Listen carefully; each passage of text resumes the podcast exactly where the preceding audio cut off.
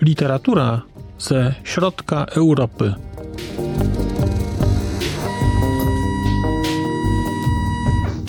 Podcast około książkowy.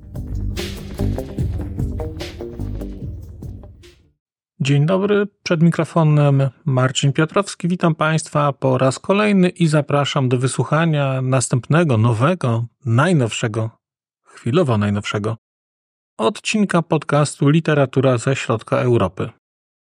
Zanim przejdę do głównej części dzisiejszego odcinka, czyli do opowieści o książce Lajosza Grendela Dzwony Einsteina, chciałem, zanim Państwo wyłączycie, zarekomendować Państwu bardzo wysłuchanie dwóch innych audycji, dwóch innych podcastów, na które to trafiłem ostatnio, to znaczy podcasty znam od dawna, ale te dwa odcinki są wyjątkowe i są bardzo świeże.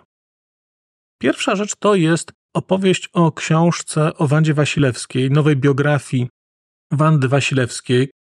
Opowieść o tej książce znajdą Państwo na Drozdowisku u Teresy Drozdy. Jest to, no chciałbym powiedzieć, że wywiad, ale to wywiad nie jest, bo Piotr Lipiński Teresie nie daje dojść do słowa i właściwie on mówi, a ona go tylko trochę moderuje.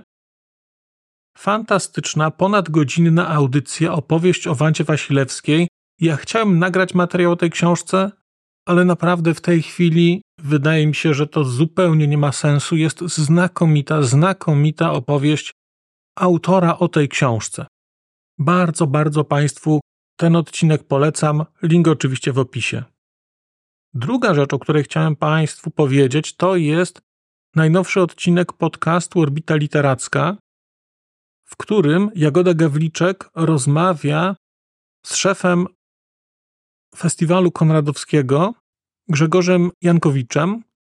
Porażająco dobra rozmowa o istocie literatury, o prawie do literatury, o krytyce.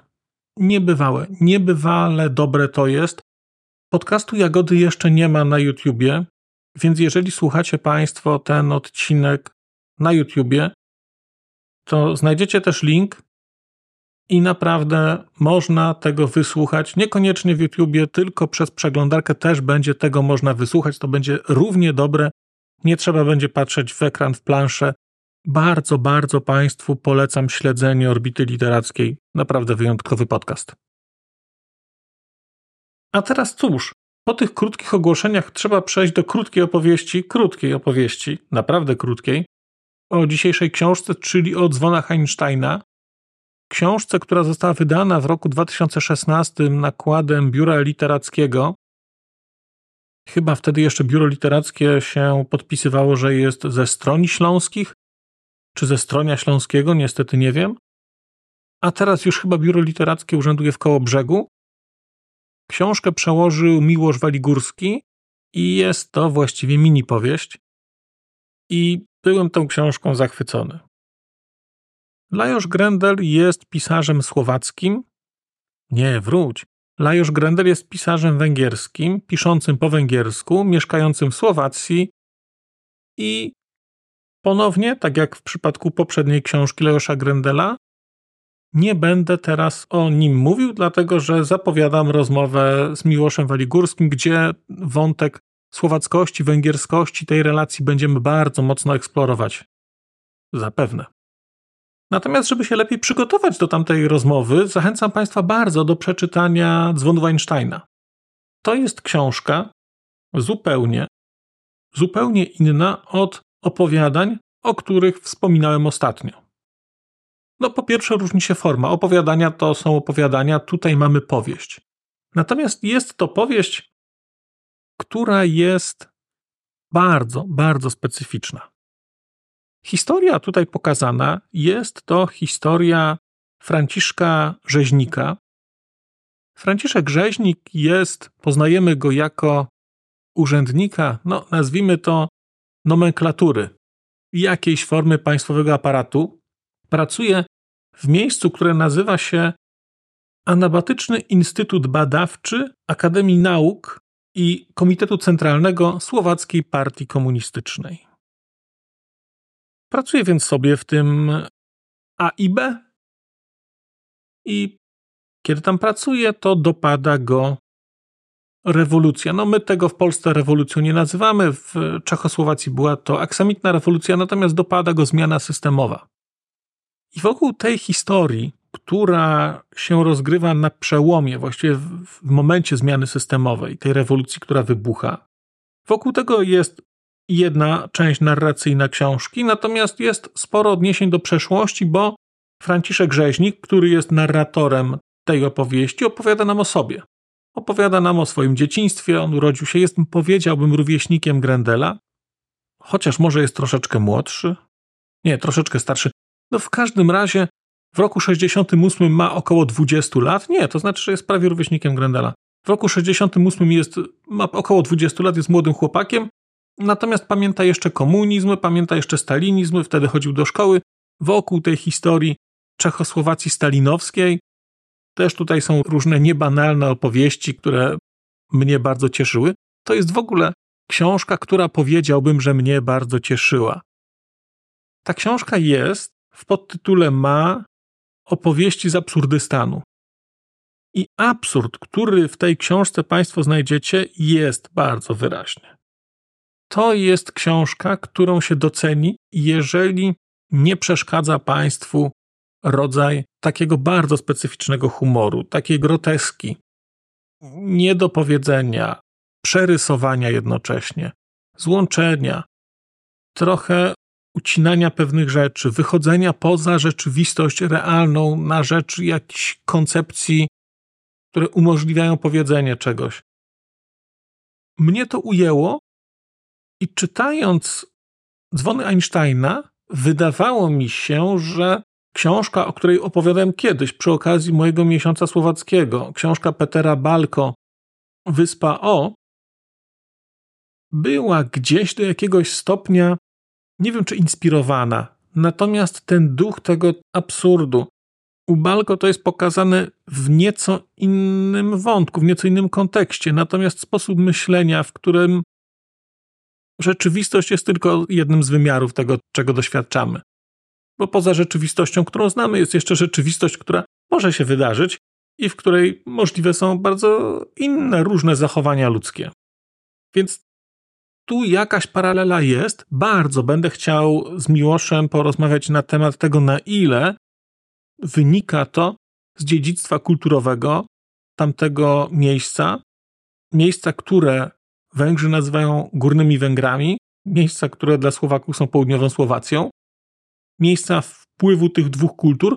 O ile opowiadania, wspominałem o tym, mają wymiar mocno węgierski i widać, że pisał je Węgier, o tyle dzwony Einsteina już takie nie są. Tu jest bardzo wyraźnie pokazany kontekst czechosłowacki i oczywiście, jeżeli zna się historię autora, wie się kim jest, to te wątki węgierskie się tutaj znajdzie. Natomiast gdyby nie mieć tej wiedzy, to powiedziałbym, że trudno będzie chyba bardzo jasno powiedzieć, że to napisał Węgier i porzucić tę dominującą narrację czechosłowacką. Bo to jest książka o Czechosłowacji, a właściwie o ludziach. Bo główny okres, kiedy ta książka się rozgrywa, to jest okres normalizacji. Historia współczesna tego, co dzieje się przy okazji rewolucji, jest kulminacją tego, co czy jak Franciszek Rzeźnik zachowywał się w latach normalizacji. Los rzeźnika jest losem dosyć powszechnym w ramach mieszkania w Europie Środkowej w czasach komunizmu. To jest forma jakiejś kolaboracji, to jest forma jakiemuś zaprzeczaniu rzeczywistości. To nie jest tak, że on jest siepaczem systemu.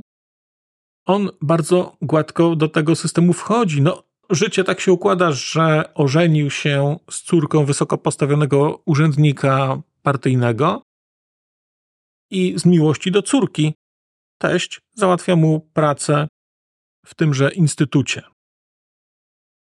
Ten instytut jest także elementem takiego socjalistycznego absurdu. On jest oczywiście tutaj podkręcony, no ale powiedzmy sobie, że jest to instytut badawczy, do którego wchodzi się przez taką wielką szwalnię, a szwaczki, no cóż, szwaczki, które tam pracujące są mniej więcej tym, czym były enerdowskie lekkoatletki. Jest w tej książce mnóstwo humoru, jest w tej książce mnóstwo odwołań do historii. Im lepiej znacie Państwo to, co się wydarza na pograniczu węgiersko-słowackim, im lepiej znacie Państwo specyfikę komunizmu czechosłowackiego, tym z tej książki odbierze się więcej, bo po prostu wyłapie się więcej. Natomiast absolutnie nie jest tak, że to uniemożliwia lekturę. Zupełnie nie.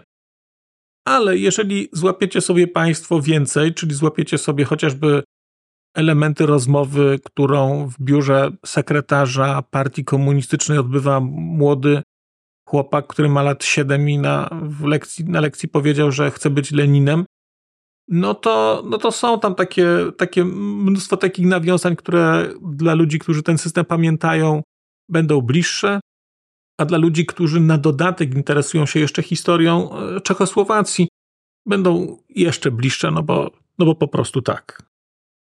Ta książka bardzo brutalnie, ale brutalnie w sposób taki, że dosłownie, bo to jest wszystko bardzo, bardzo urokliwie zrobione.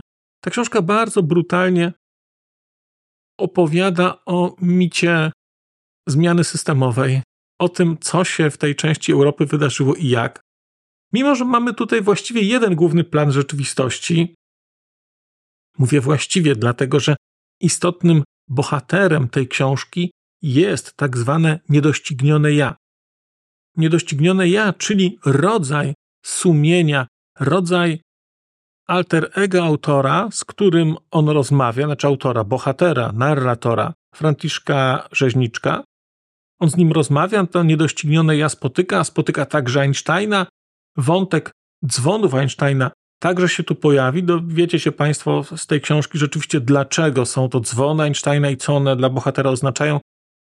Ja nie będę o tym mówił. Ta książka ma 120 stron i tak mam wrażenie, że opowiadam Państwu o niej za dużo, ale dość powiedzieć, że to jest po prostu książka, którą się czyta znakomicie, aczkolwiek jest to intelektualny roller coaster, dlatego że są tutaj w niej elementy powieści, powiedziałbym, szpiegowskiej.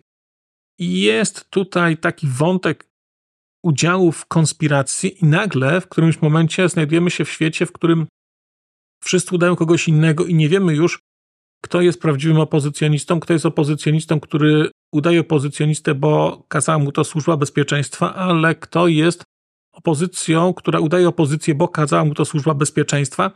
Tego typu rzeczy gdzieś tutaj trafią, ale jest to bardzo pięknie napisane, znakomicie, potoczyście. Cudownie mi się tę książkę czytało, cudownie mi się tę książkę czytało i od razu Państwu powiem, że to też jest książka, przynajmniej z mojej perspektywy, wyjątkowa. Bo kiedy po dzwonach Einsteina czytałem szajkę, to już tej słowackości nie ma, czechosłowackości nie ma. Szajka jest już bardzo mocno znowu osadzona w kontekście węgierskim, ale o szajce opowiem pewnie za czas jakiś. Tymczasem dzwon Einsteina bardzo, bardzo Państwu polecam świetna literatura. No to się po prostu dobrze czyta, to po prostu bawi, to skłania do refleksji, szczególnie jeżeli pamiętacie Państwo czasy komunizmu i widzieliście ten moment przejścia, widzieliście ludzi, którzy niby wspierali, ale potem nie wspierali, ale potem się okazało, że jednak wspierali. Ci, którzy nie pomagali, ale potem się okazało, że byli głównymi bohaterami, a którzy zaspali. No, różne historie, które gdzieś są pokazane u Grendela, znajdziecie Państwo odniesienia do sytuacji w Polsce, no bo jesteśmy z tego samego kręgu kulturowego jednak tutaj i historia obeszła się z nami w bardzo, bardzo podobny sposób. Ja Państwu Lajosza Grendela bardzo, bardzo polecam, nieustająco. Ja Państwu Lajosza Grendela bardzo, bardzo nieustająco polecam. Dzwony Einsteina podbijam, to jest rzecz inna niż opowiadania. Mam wrażenie, że, no powiedziałbym, że lżejsza, i cóż, zapraszam na spotkanie wkrótce z książką Szajka. Zachęcam także Państwa do wpisywania pytań do Miłosza Waligórskiego, bo odpytam Miłosza o rzeczy, które w tym kontekście mogą być też dla Państwa interesujące. Bardzo dziękuję za dzisiejsze spotkanie. Zapraszam do słuchania, zapraszam do lajkowania, subowania, cokolwiek tam Państwu przyjdzie do głowy, można robić, wszystko można robić. Dziękuję, do usłyszenia.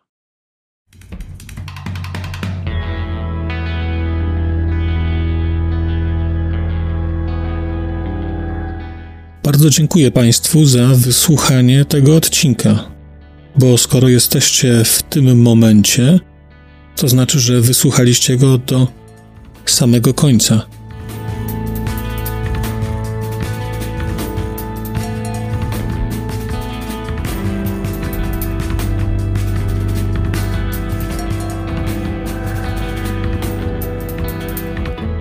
Słuchaczy platform podcastowych chciałem zaprosić na kanał na YouTubie, gdzie znajdziecie Państwo te same treści, ale dzięki modułowi komentarzy będziecie mogli wejść w interakcję z innymi słuchaczami tego podcastu i dzielić się swoimi spostrzeżeniami dotyczącymi książek, ale nie tylko.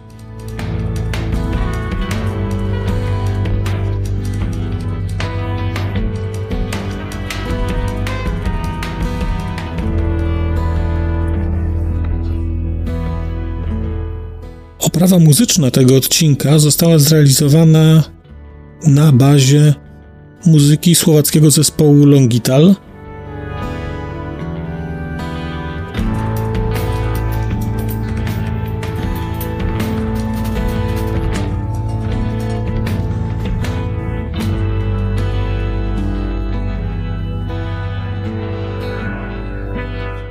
Longital to Wspaniała słowacka grupa, której muzyka jest dla mnie kwintesencją nowoczesnego brzmienia Europy Środkowej.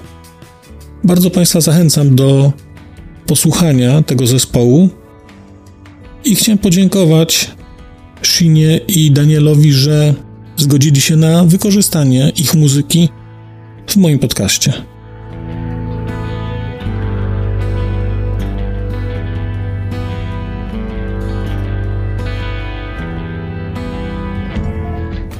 Krzysztof a Daniel, Ďakujeme vám veľmi pekne, že ste nám umožnili použiť vašu hudbu.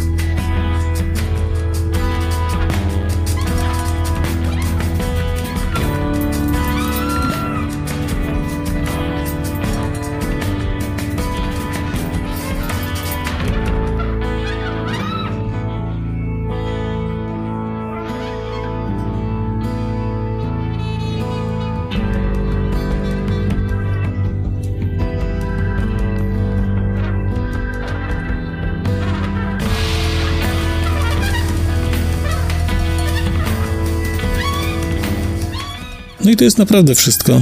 Dziękuję i do usłyszenia.